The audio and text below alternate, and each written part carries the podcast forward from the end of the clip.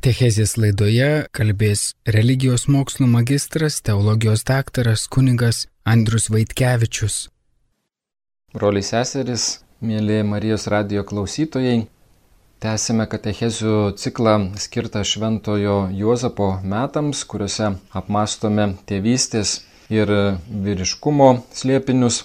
Praeituose mūsų susitikimuose kalbėjome apie tėvo statuso vaidmens reikšmę žvelgdami iš psichologinio požiūrio taško. Analizavome, kaip veikia psichologinis pasąmoninis mechanizmas, norminantis žmogiškosios brandos procesus ir kaip tėvo statuso vaidmens įtaka pasireiškia savojo identiteto formavimosi arba atradimo procese. Šiandien mintis pakreipsime į sociologinės analizės keliu ir užduosime savo klausimus, su kokiais iššūkiais susiduria tėvas šeiminiuose santykiuose, ar įvairūs naujųjų laikų suvokimo ir kultūriniai pokyčiai padeda ar priešingai kliudo šiandieniniam tėvui atlikti savo pareigas, ar dominuojančioji kultūra palengvina buvimą tėvų trejybinėme santykyje tarp tėvo, motinos ir vaiko.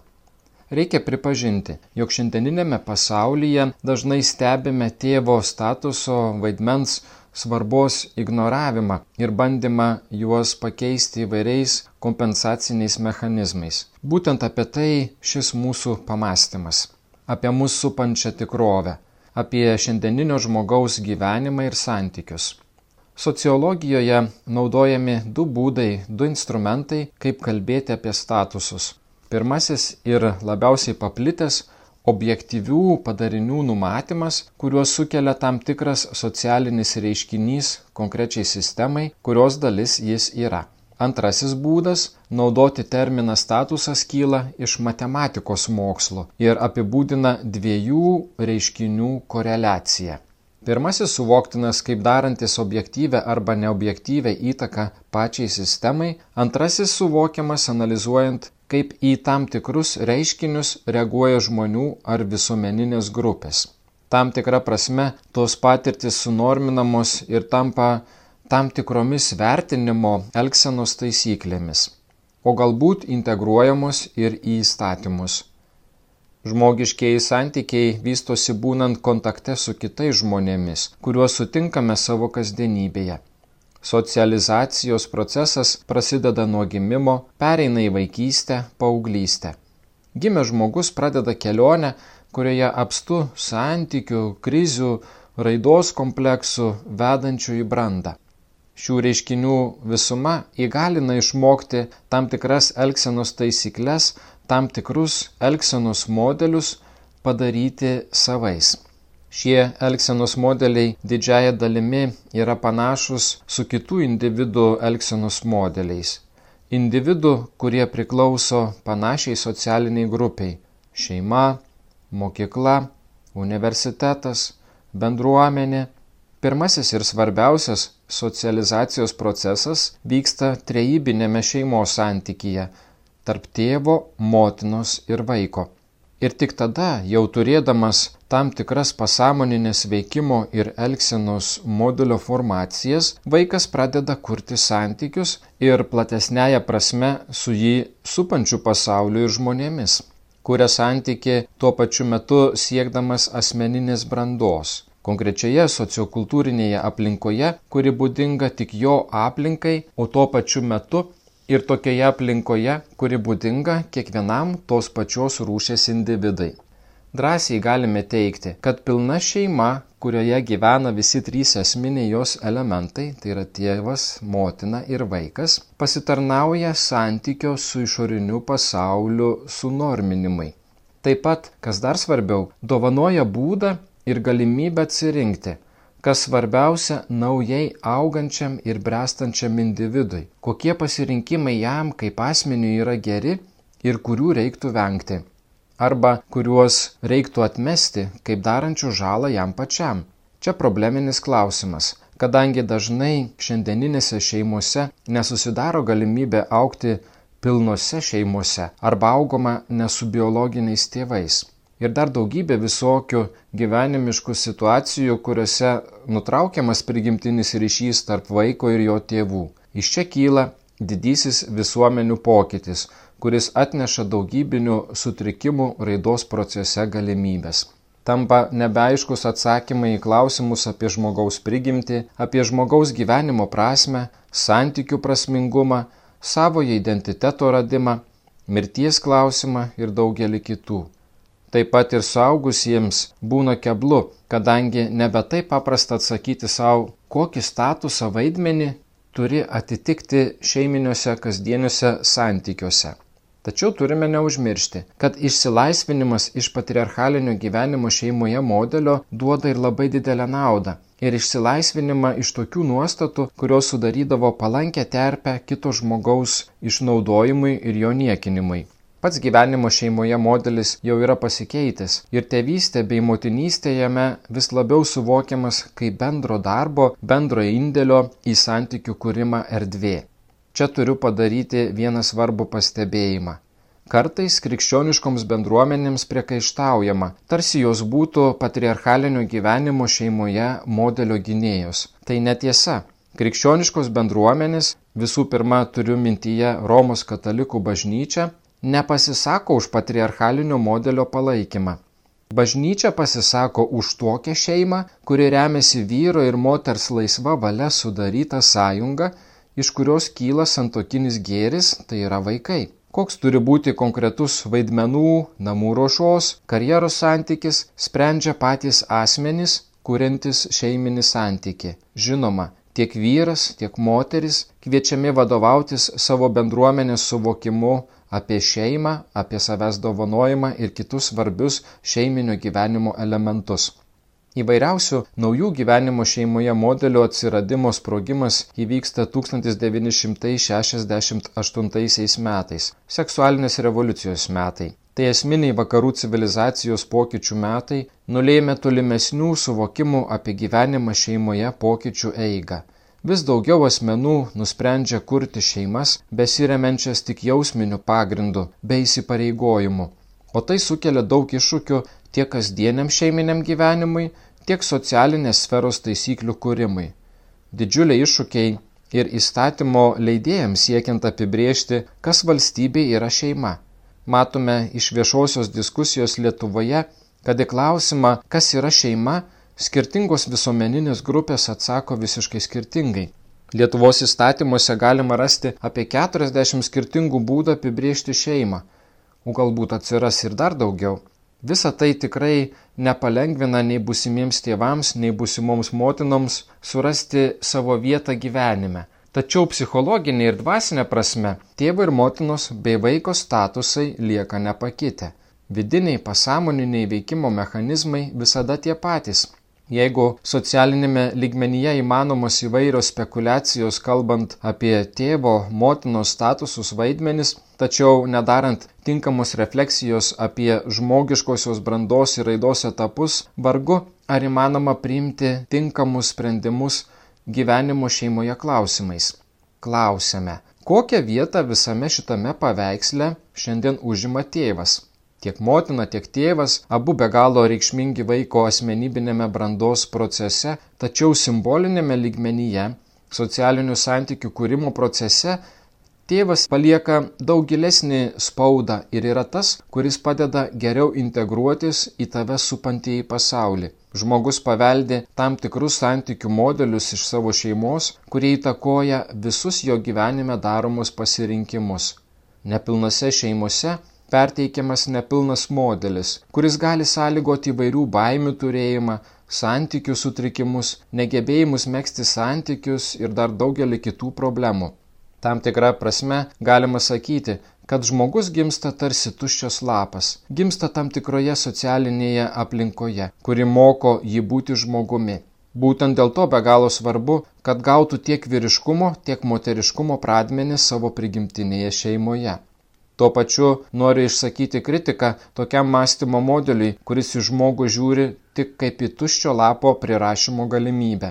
Tiesą sakant, žmogus ateidamas į šį pasaulį jau atsineša labai daug informacijos, pradedant nuo genetikos, kur aiškiai parašyta, kas jis yra, vyras ar moteris, ir biologijos, bei baigiant socialiniais suvokimais apibūdinančiais, ką reiškia būti vyru ir moterimi. Probleminis aspektas išriškėja tada, kada mokslinio analitinio mąstymo būdu žmogaus prigimtinis klausimas nebesiejamas su antrosios prigimties, tai yra kultūrinės formacijos klausimu. Būtent šiuo modeliu remiasi genderistinių ideologijų propaguotojai. Jų siekis sukurti kultūrinį žmogų, kuriam jokios įtakos nedarytų tėvai, vyrai, moteris. Taip, socialinės ir sociologinės ryties mokslai padarė neįsivaizduojamą pažangą analizuodami įvairius socialinius reiškinius, tačiau netiek daug progreso kalbant apie žmogiškųjų statusų vaidmenų sferą. Per daug dėmesio skiriama sociokultūriniam modeliavimui ir per mažai dėmesio skiriama prigimtinių procesų vykstančių mumise analizai. Būtina turėti atsvaros, atskaitos taškus, kad šiandieninis žmogus nepasiklystų tokioje daugybėje šiandienių kultūrinių aplinkų. Vyro ir moters santykių grįsta šeima yra šio sveiko, pilnaverčio, brandaus santykio su tikrove pagrindas ir lopšys. Šeimoje išmokstama kritiškai mąstyti ir nepasiklysti tarp daugybės informacijos. Psichologiniais terminais kalbant, šeima išmokina tam tikrų tabu, kurie būtini holistiniai asmens sveikatai. Jie tarnauja kaip gyvenimo pagrindas ir moko reaguoti į įvairias situacijas, apsisaugant nuo traumuojančių patirčių. Tokioje sociokultūrinėje terpėje išriškėja tėvų statuso vaidmens būtinumas. Jeigu 20 amžius paženklintas noro atsikratyti tėvo statuso, tėvo vaidmens, tai 21 amžiuje pastebimas ypač Akademinėje srityje siekia sugrįžti prie to statuso vaidmens, kuris normalizuoja ne tik atskiro individo gyvenimą ir jo daromus pasirinkimus, tačiau ir pačios visuomenės veikimo dėsnius. Tačiau nemenkesnį susirūpinimą kelia tėvo ar tėvų statusų vaidmenų suniveliavimas, kuris tiesiogiai koreliuoja su realiu tėvo nebuvimu, nedalyvavimu šeimos gyvenime. Taigi, problematika išriškėja dviejose ligmenyse tiek kalbant apie realų fizinį tėvo buvimą, tiek kalbant apie jo statuso vaidmens atlikimą.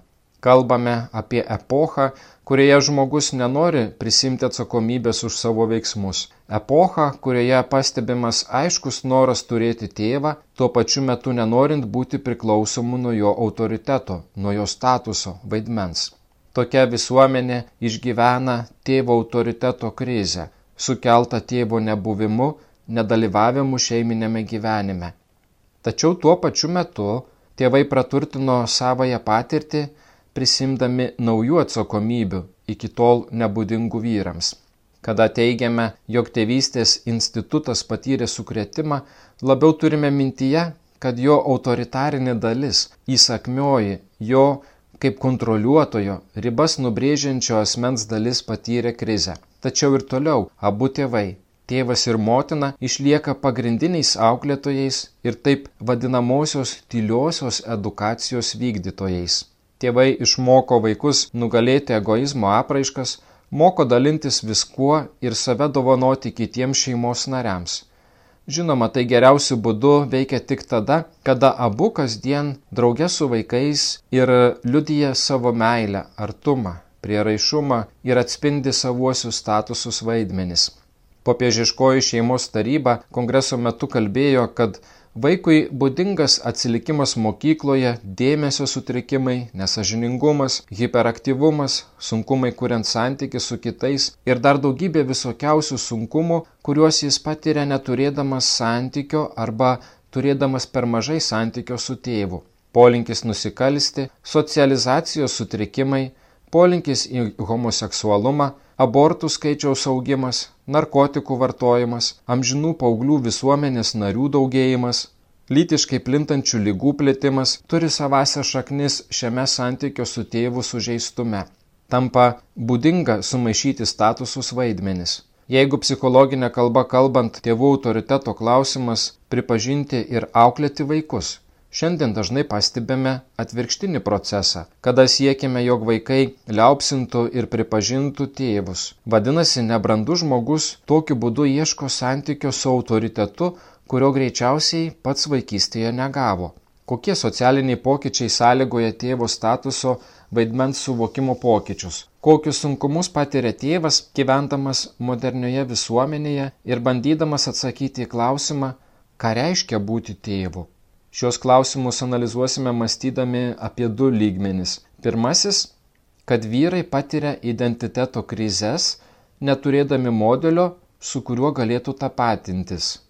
Antrasis jog įvairūs socialiniai pokyčiai įtakoja patį suvokimą apie tai, ką reiškia būti tėvu, būti vyru.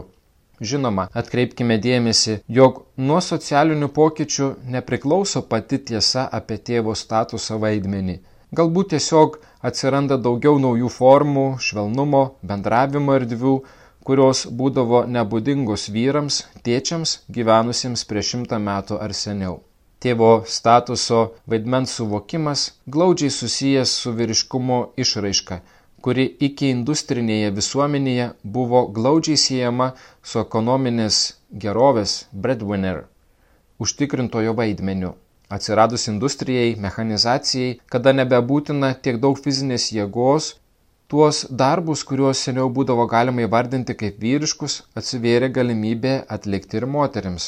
Naturalu, kad industrinė visuomenė pakeitė ir vaidmenį šeimose. Sugriuvo tradicinis modelis, kuriame vyras atsakingas už ekonominę šeimos gerovės dalį, o moteris už namų priežiūrą ir vaikų auklėjimą. Prasideda ilgas paieškų laikotarpis. Ieškoma naujų būdų, kaip gyventi šeimoje vis dažniau taikomas bendradarbiavimo principas, reikalaujantis didesnio abiejų sutoktinių įtrauktumo. Tėvas, kuris dažnai tradiciškai buvo suvokiamas kaip autoritetas nustatinėjantis taisyklės, vis dažniau tampa tuo, kuris įgauna savybių senajame šeimos modelyje būdingų moteriams. Tai natūralu kildina tam tikrų klausimų susijusių su vyriškojų identifikavimuose Iškyla klausimų susijusių su tuo, kas yra tėvystės esmė ir kaip šiandieninis tėvas turėtų elgtis.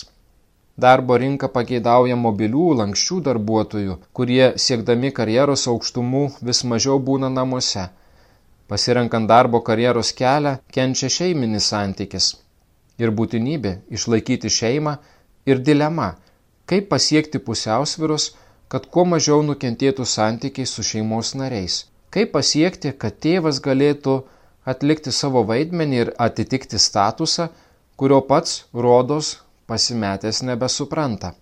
Kalbant apie darbo rinkos kontekstą suvokiame, kad ji formuoja pasirinkimus daromus kuriant šeimas ir šeimose, įtakoja sprendimą, kada turėti vaiką ir kiek jų turėti vadovaujantis utilitaristinė darbo rinkos logika dažnai nepageidaujamas toks darbininkas, kuris negali laisvai ir daug valandų dirbti, kuris negali laisvai judėti tarp miestų ir momentiškai atliepti į susikloščiusius naujus rinkos poreikius. Sociologijoje šis reiškinys vadinamas darbo šeimos konfliktų - work-family conflict angliškai. Šiame konflikte išriškėja ir kita pusė. Šeima yra pagrindinis resursas ir ateities darbuotojų, tai yra vaikų atsiradimo pagrindas. Tad iš vienos pusės darbo rinka suinteresuota ginti utilitaristinį poreikį čia ir dabar, tačiau iš kitos pusės turi palaikyti šeimas ir šeiminius santykius, kurie yra pačios sėkmingos darbo rinkos garantas. Tad šiandieninėje šeimoje tėvo ir motinos statuso vaidmens sklaida priklauso nuo konkrečioje šeimoje daromų pasirinkimų. Pasirinkimų, kurie duodant kelią vieno iš sutoktinių karjerai, tuo pačiu gali nubausti kitą sutoktinį, besirūpinantį namais ir vaikų auklėjimu. Moderni šeima vis tik numato dviejų dirbančių asmenų modelį - dual earner partner, kuriame Kiekvienas įdeda savo indėlį tiek karjeros ir uždarbio prasme, tiek auklėjant vaikus ir rūpinantis namais. Žinoma, visai kitas kontekstas būtų ir atskira tema kalbėti apie tai, kad moteris, darančios karjerą, nebenori naudoti savo prigimtinę teisę tapti mamomis, kadangi tai trukdytų jų profesiniams siekiams. Vadinasi, dar gerai turime pamastyti, ką daryti, jog į pirmą planą statytume šeiminius santykius, o ne vien utilitaristinius karjeros prioritetus. Ir tai pasirinkimas veikti šeimos labui pasitarnaus visos visuomenės ir valstybės labui, nes kur stiprios, stabilios šeimos, ten ir brandus bei atsakingi piliečiai, ten klesti psichofizinė ir dvasinė sveikata, ten vidinė ekologija, ten ekonominė gerovė. Vadinasi, tiek valstybei, tiek atskiriems individams reikia atsakyti į daug klausimų, kad susidėlioti prioritetus naudingus tiek visuomeninė, tiek šeimos klausimų prasme. Kitame mūsų susitikime kalbėsime apie tėvystę eliminuojančias ideologijas, pasivėjančias mus iš 20-ojo amžiaus Mėlysiams Marijos radio klausytojams priminsiu, jog visas katechezes iš ciklo skirto šventajam Juozapui galite rasti Marijos radio mediatekoje, taip pat internetinėje svetainėje katalikai LT susiradę skilti Šventojo Juozapo metai, kur taip pat rasite visus katechezių tekstus bei klausimus refleksijai. Garbė Jėzui Kristui. Katechezė sakė Klaipėdos universiteto docentas kunigas daktaras Andrus Vaitkevičius.